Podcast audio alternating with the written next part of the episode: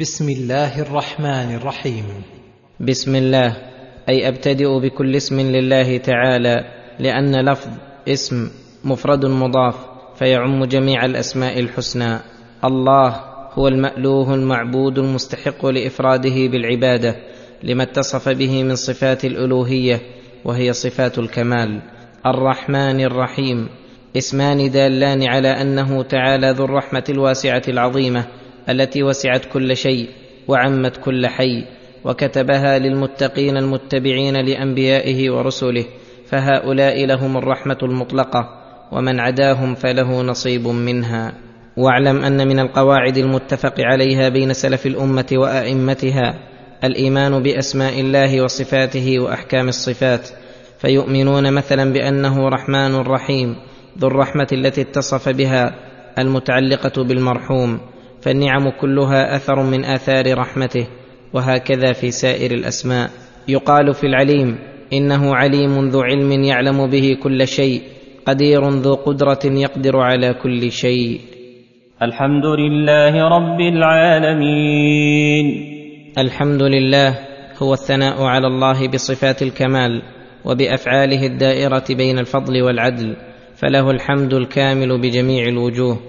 رب العالمين الرب هو المربي جميع العالمين وهم من سوى الله بخلقه لهم وإعداده لهم الآلات وإنعامه عليهم بالنعم العظيمة التي لو فقدوها لم يمكن لهم البقاء فما بهم من نعمة فمنه تعالى وتربيته تعالى لخلقه نوعان عامة وخاصة فالعامة هي خلقه للمخلوقين ورزقهم وهدايتهم لما فيه مصالحهم التي فيها بقاؤهم في الدنيا والخاصة تربيته لأوليائه فيربيهم بالإيمان ويوفقهم له ويكملهم ويدفع عنهم الصوارف والعوائق الحائلة بينهم وبينه وحقيقتها تربية التوفيق لكل خير والعصمة من كل شر. ولعل هذا المعنى هو السر في كون أكثر أدعية الأنبياء بلفظ الرب فإن مطالبهم كلها داخلة تحت ربوبيته الخاصة. فدل قوله رب العالمين على انفراده بالخلق والتدبير والنعم وكمال غناه وتمام فقر العالمين إليه بكل وجه واعتبار. الرحمن الرحيم. مالك يوم الدين. مالك يوم الدين. المالك هو من اتصف بصفة الملك التي من آثارها أنه يأمر وينهى ويثيب ويعاقب ويتصرف بمماليكه بجميع أنواع التصرفات. وأضاف الملك ليوم الدين وهو يوم القيامة يوم يدان الناس فيه بأعمالهم خيرها وشرها لأن في ذلك اليوم يظهر للخلق تمام الظهور كمال ملكه وعدله وحكمته وانقطاع أملاك الخلائق حتى أنه يستوي في ذلك اليوم الملوك والرعايا والعبيد والأحرار كلهم مذعنون لعظمته خاضعون لعزته منتظرون لمجازاته راجون ثوابه خائفون من عقابه فلذلك خصه بالذكر وإلا فهو المالك ليوم الدين وغيره من الأيام. إياك نعبد وإياك نستعين. اي نخصك وحدك بالعبادة والاستعانة؟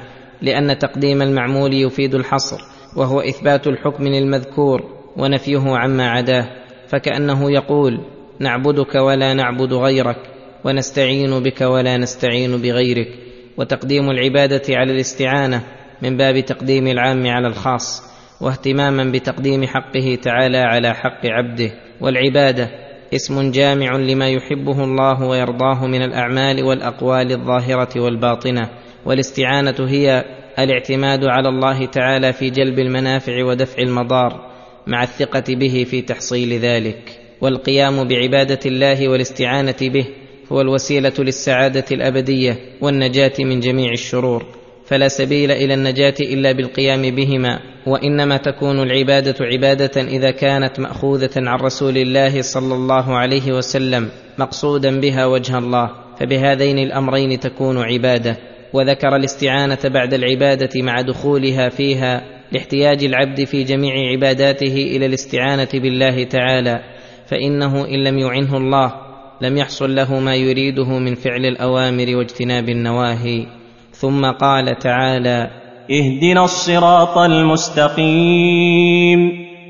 أي دلنا وأرشدنا ووفقنا إلى الصراط المستقيم وهو الطريق الواضح الموصل إلى الله وإلى جنته وهو معرفة الحق والعمل به. فاهدنا إلى الصراط واهدنا في الصراط.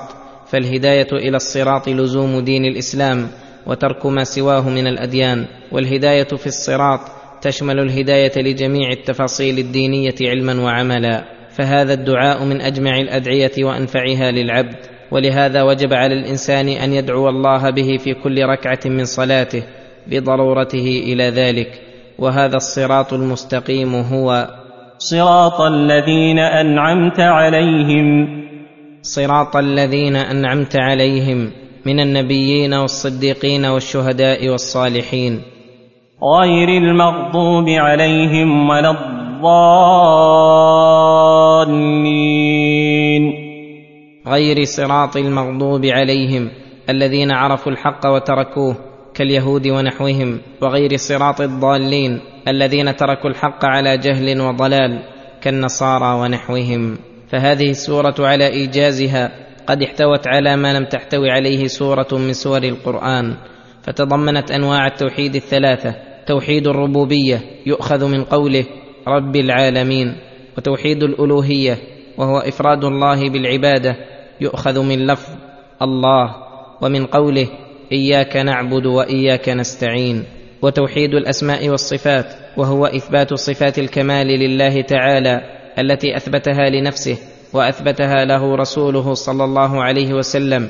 من غير تعطيل ولا تمثيل ولا تشبيه وقد دل على ذلك لفظ الحمد كما تقدم وتضمنت إثبات النبوة في قوله اهدنا الصراط المستقيم لأن ذلك ممتنع بدون الرسالة وإثبات الجزاء على الأعمال في قوله مالك يوم الدين وأن الجزاء يكون بالعدل لأن الدين معناه الجزاء بالعدل وتضمنت إثبات القدر وأن العبد فاعل حقيقة خلافا للقدرية والجبرية بل تضمنت الرد على جميع أهل البدع والضلال في قوله اهدنا الصراط المستقيم لأنه معرفة الحق والعمل به وكل مبتدع وضال فهو مخالف لذلك.